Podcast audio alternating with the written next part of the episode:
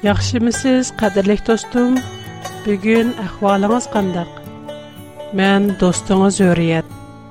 İsul soğuqatlar proqramımız danlığınızda siz xudanın sözüdən məmnun bulalaysız.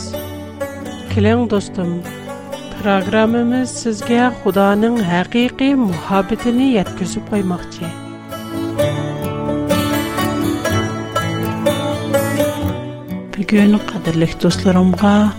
qurbonlik ва qurbonlik to'g'risida so'zlab bermoqchi hammamizga ma'lum odam otimiz bilan havo onamiz cheklangan mevani yeb gunoh qilgandan keyin ularning tini yalang'ochlanib qolgan shunga ular anjir yupurmoqlar bilan badallarini yepib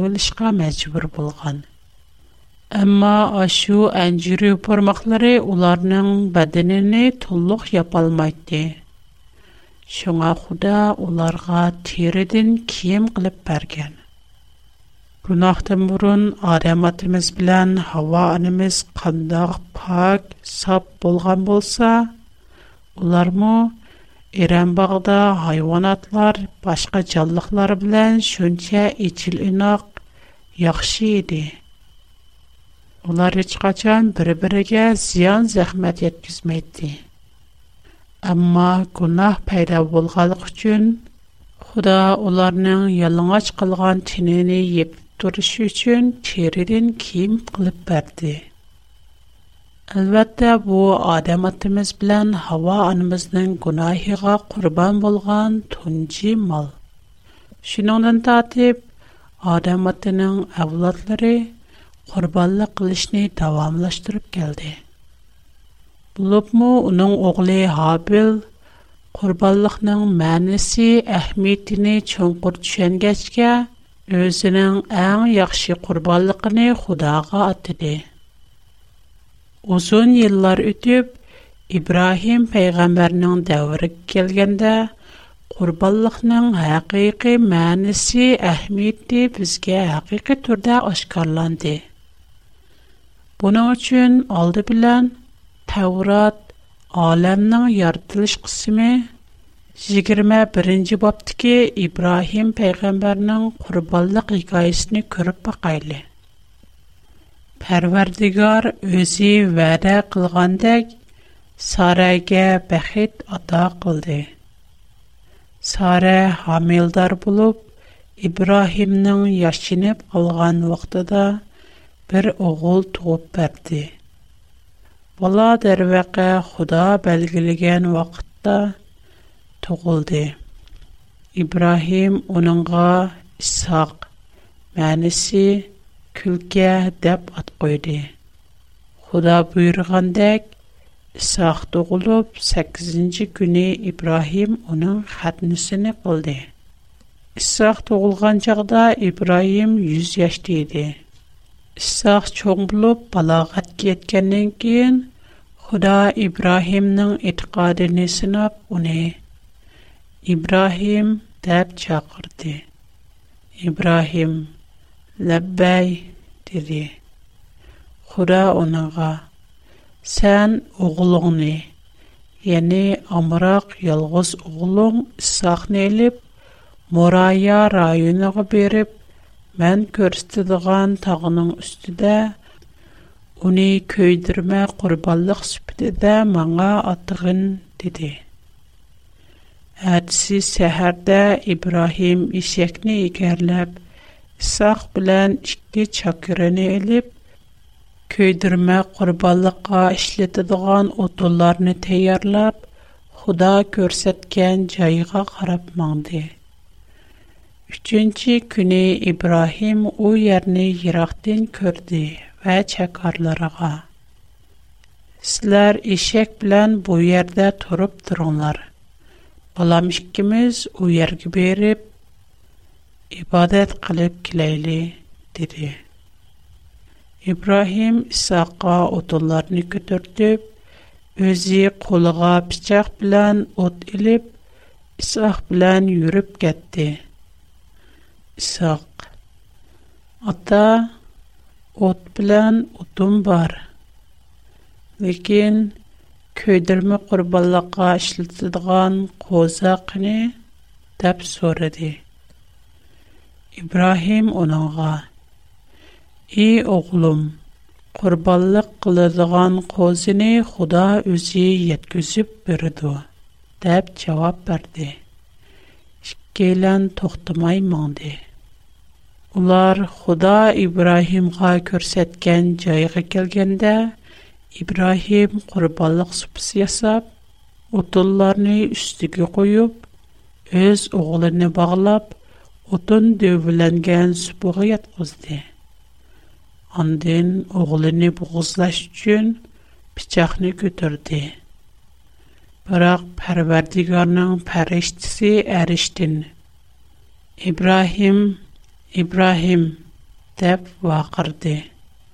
Ләбай диди ул, "Пәриште, уңа. Куллыгны тарт. Балыğa чыкылма.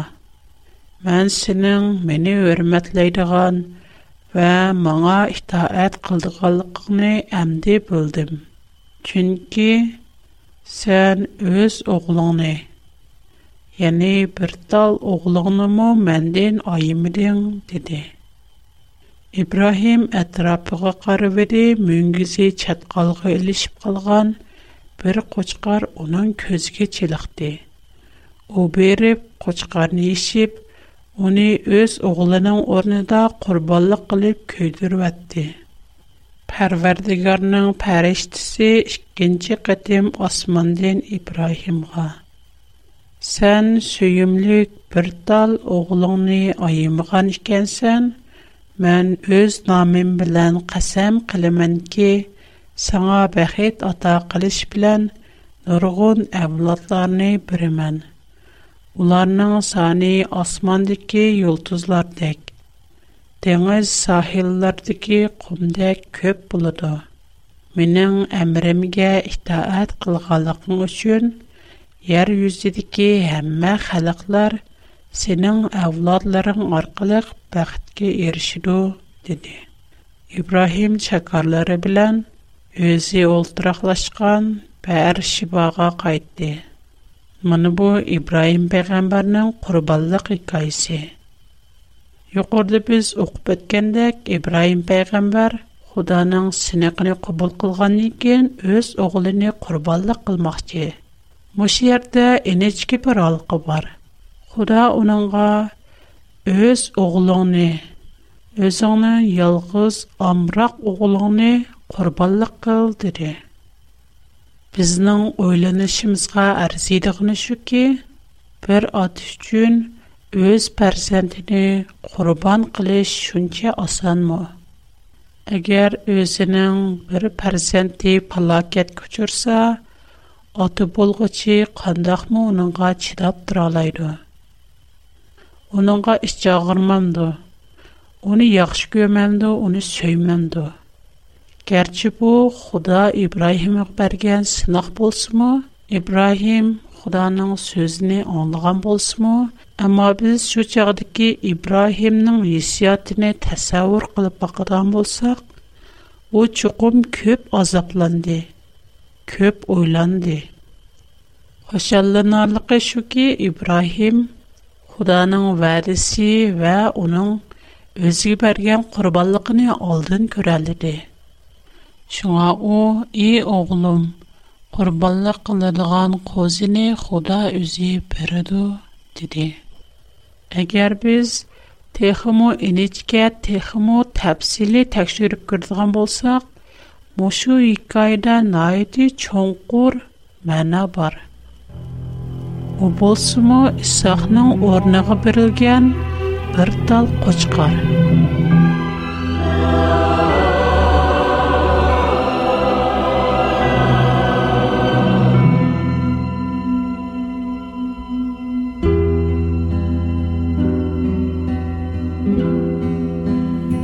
Тауратта құрбалық тұғырыста көптеген исамлар бар.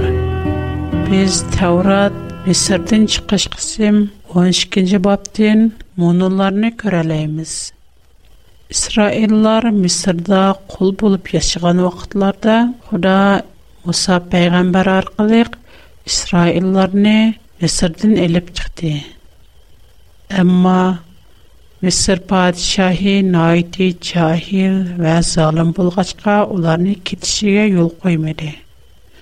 Шу чагда Худа Муса ва Харунга мондак диде. Силәр менен муну юл юрухларымны бүтүн Исраил халкыга үтүңләр.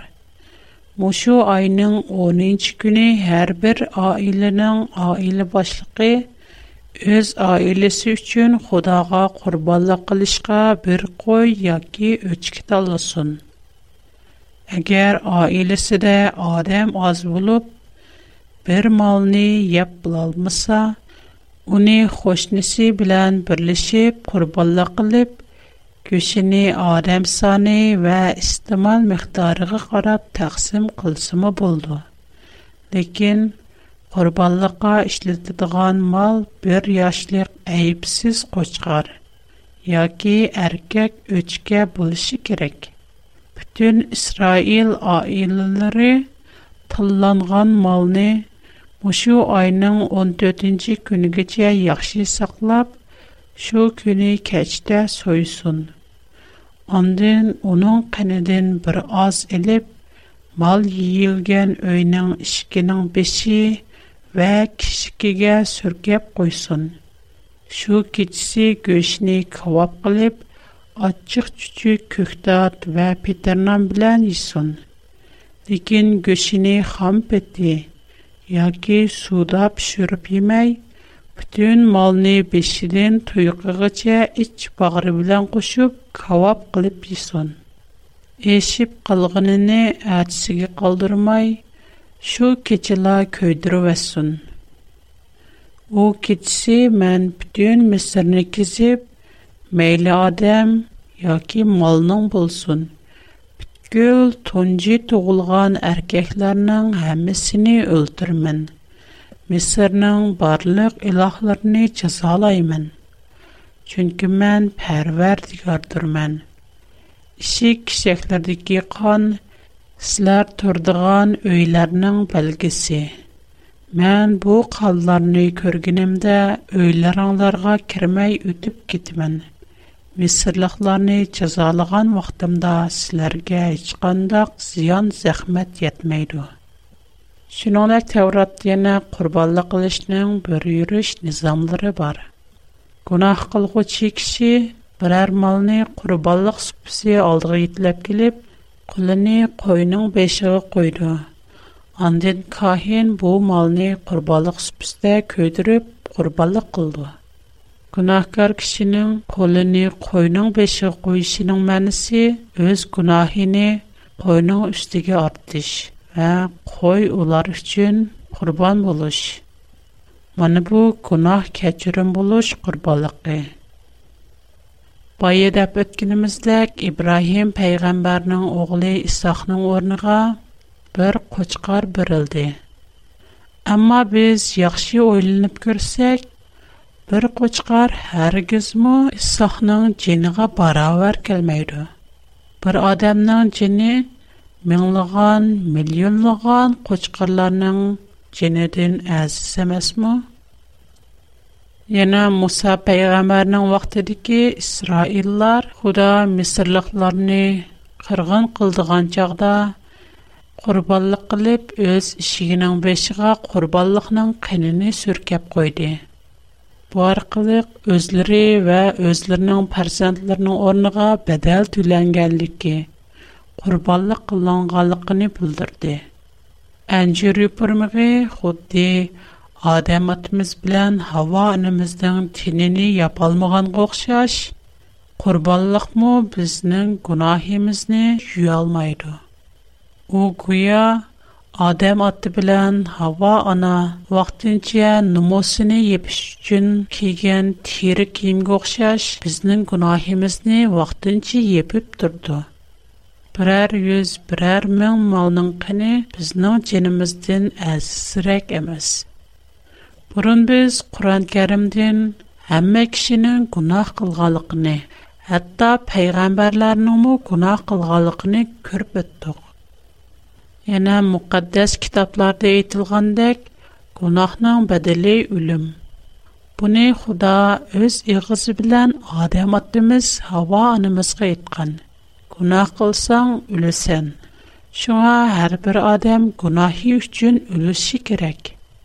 payg'ambarlarmi buning sirtida emas gunoh mayli qanchalik cho'ng yoki kichik bo'lsin bir qatimla gunoh o'tkazildikan cho'qim bir qatim qon to'kilish bir qatim o'lish kerak mushu nuqtadan aytganda bizning payg'ambarlarimizmi o'lishi kerak ammo xudo noiti odil bo'lib qolmay yana noiti mehribon u qandoqmu o'zi yaxshi ko'rgan o'z qo'lidan chiqqan ruhiy jihatdan o'zining obrazida yasalgan insonlarning halak bo'lishini o'lishini kutib turolsin shunga u bizga qurbonlik orqali gunohning noiti yomon usolligi uning badbashira qiyobiti oqibatini ko'rsatib berdi yana qurbonlik orqali texmo cho'nqur texmo zo'r muhabbatini ifodaldi Ондақта бұл құрбанлықның мәнісі неме? Құран кәрім 37 ші сүрә Сафат 101 111 айетіні көріп бақайлы. Мұндақ дейілген. Біз İbrahimğa наайты мұлайым бір оқыл білән хош қабар бәрдіқ. Уныңга без пәйгамбер булдыган ва яхшылардан булдыган Исхак белән яхшы хәбар барды. Яңа 102-нче, 103-нче һәм 107-нче аятларны керә бакәйле. У Ибраһимның искүчләргә яргыдык булган чагында Ибраһим: "И oğлым, мин сине бугызлап курбанлык кылышка төшәп китәм." ойлап «Сінин қандах пикиран бар?» дири. О, әйтти, «И, ата, немені бойрылған болсан, шуны ичира қылғын. Худа халуса, мини савыр қылғу тапсын. тапсан». «Ишкісі бойсунди. Без уның орныға чоң бірі құрбаллықни бәрдуг». «Уйғырчы тарчимы сіра чоң бір құрбаллықни диген ерге тырнақ ішіп, жәннәттен шыққан қошқар деп езіп қойған. Құранда әсіледі бұл сөзлер yok. Тырнақ ішедеке бұл сөз Абдур тәрджім қылыш жәрянда қошып қойған пікер. Оныңдан башқа әсілі нұсқыда біз оның орныға әң чоң бір құрбалықны бір дұқ дейілген.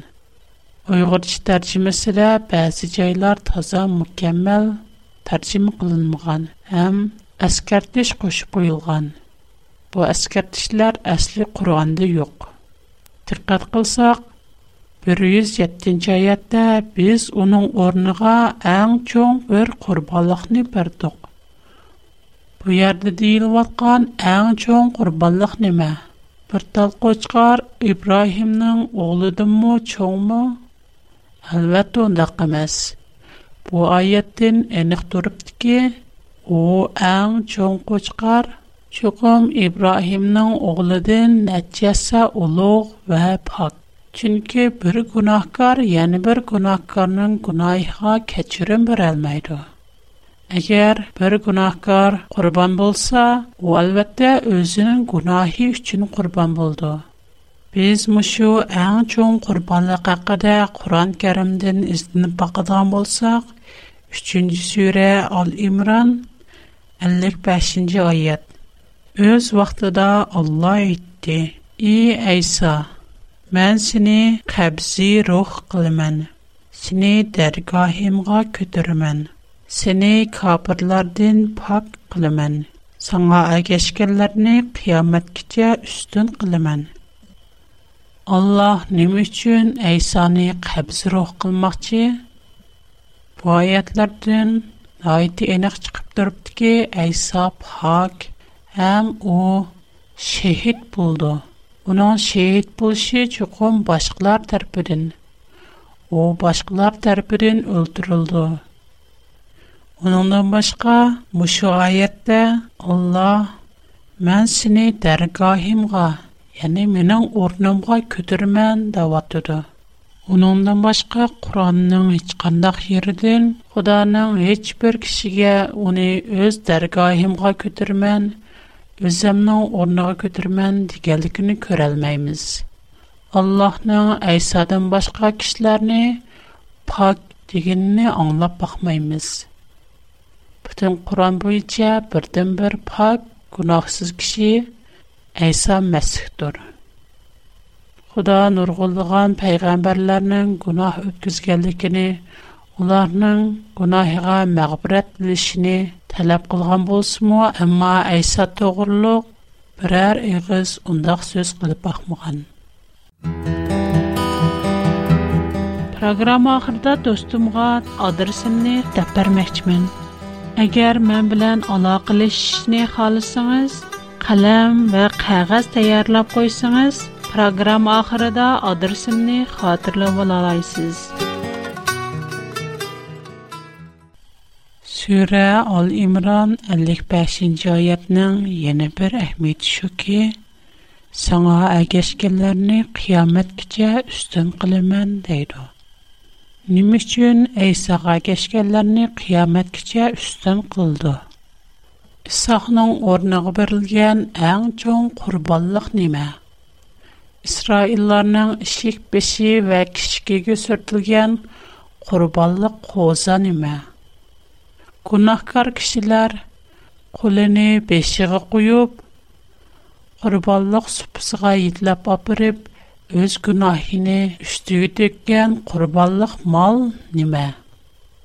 Buning uchun biz Injil Yuhanna bayon qilgan xush xabar 1-bob Сиграм 9-нчы, 30-нчы, 31-нчы аятларга карап баксак, буның ден найты эң яхшы җавапка ирешәбез.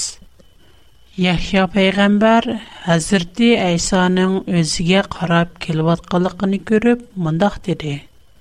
"Мәне бу күл дөнья яки üstiga oldigan Xudoning qurbonliq qo'zisidir. Mən sizlərə məndən keyin kelguchi məndən ulug'dur. Chunki u mən tug'ilishdan burunla mavjud idi degan edim. Mana bu dal mən tilg'a olgan ashu kishidir. Mən asli uning kimligini bilmaydim.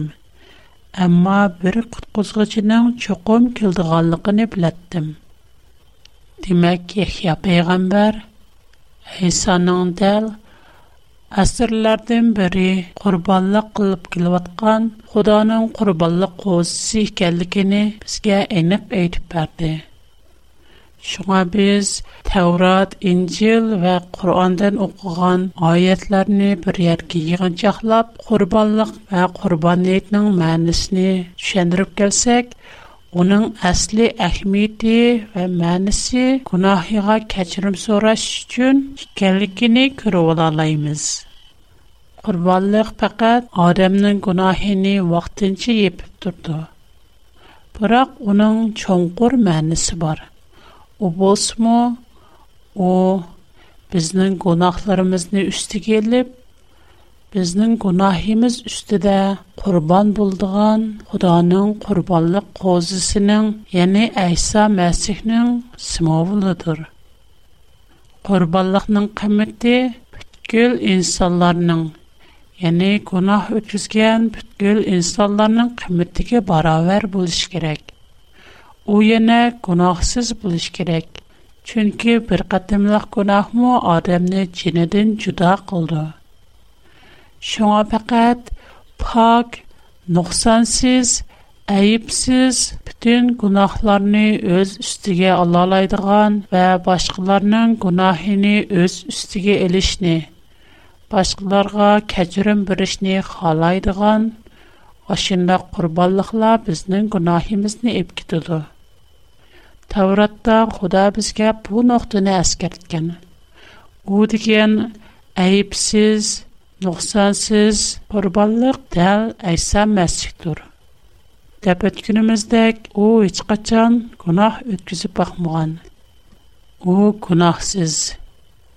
Бірақ оу худди кунахи үстігі түкілген курбаллық мал ғохшаш, біздің бүтін кунахимізді өз үстігі іліп, кирс үстіда үлді.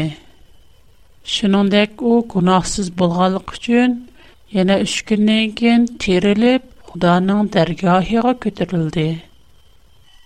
Tavrat qonunida yog'ochqa esilganligi kishi la'natidir deyilgan. Isa Masih garchi o'zi gunohsiz bo'lsa-mu, biroq u hamma la'natni ustiga oldi. Chunki u Kirist ustiga mixlandi emasmi? Amaliyat la'nat kuchurashqa tegishlik bizlar – оның қина арқылық нечатлыққа еріштік. Худди, сүйрі, ал-имран, 55 бәсін жайет, ақырғы құбды дейілгендік, саңа әгәшкелеріні қиямет күте үстін қылымен. Бұның мәнісі дәл, сән күнаққарлар үшін үлісін, құрбалық бұлысын. Сенің құрбалықыңны құбыл қылған саңа шәнгелеріні Қиямэт кице, үстын қылымен дигенлик тур. Қадырлик, тостым, алам ярдылғанден тартип, азырғице, асырлардын біри нұрғылыған қанлар түгілді. Нұрғылыған қурбаллықлар үлдірілді. Бірақ, ғичқайсының Ахмедді, Айсан Мәсіхнің біз үчін қылған қурбаллықыға ятмайды, оғшымайды. Әйса мәсіхтә әл бүтін дұнияның күнахыны өз үстігі олдыған құданың құрбалы қозысы. Бізнің барлық күнахымыз оның үстігі түкілгәшке қадырлық достырым. Біз, біз үшін қанчылық зор бәдәл түләнгәлікіні әр вақыт ұнтып қалмайлы.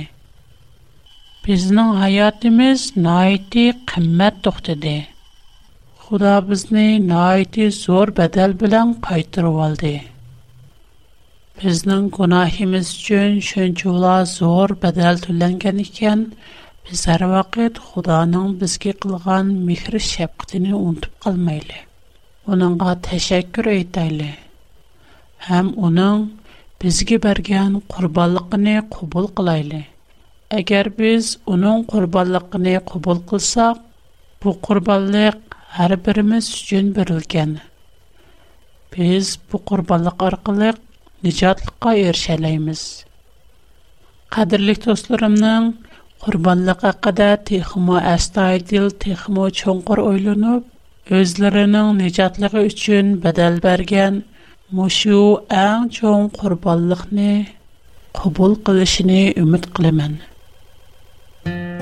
Әгәр сезнең корбанлык хакында башкача фикереңез булса, вә яки корбанлык хакында сезгә энек булмаган мәсьәләләр булса, моңа хат язышыгызны мит кылам. Келәр кытым сезнең программамызны яңа зиярат қилип килешегезне арзу кылам. Минем тор адресым hurriyet@bigfoot.com. Минем хат W R P O Box 310. Менен хәзерче хата дәрсем Шанган Юджин Сунчи Шишан 310 номер. Хош, Худага аманат. Кайт көрешкече аман булыңыз.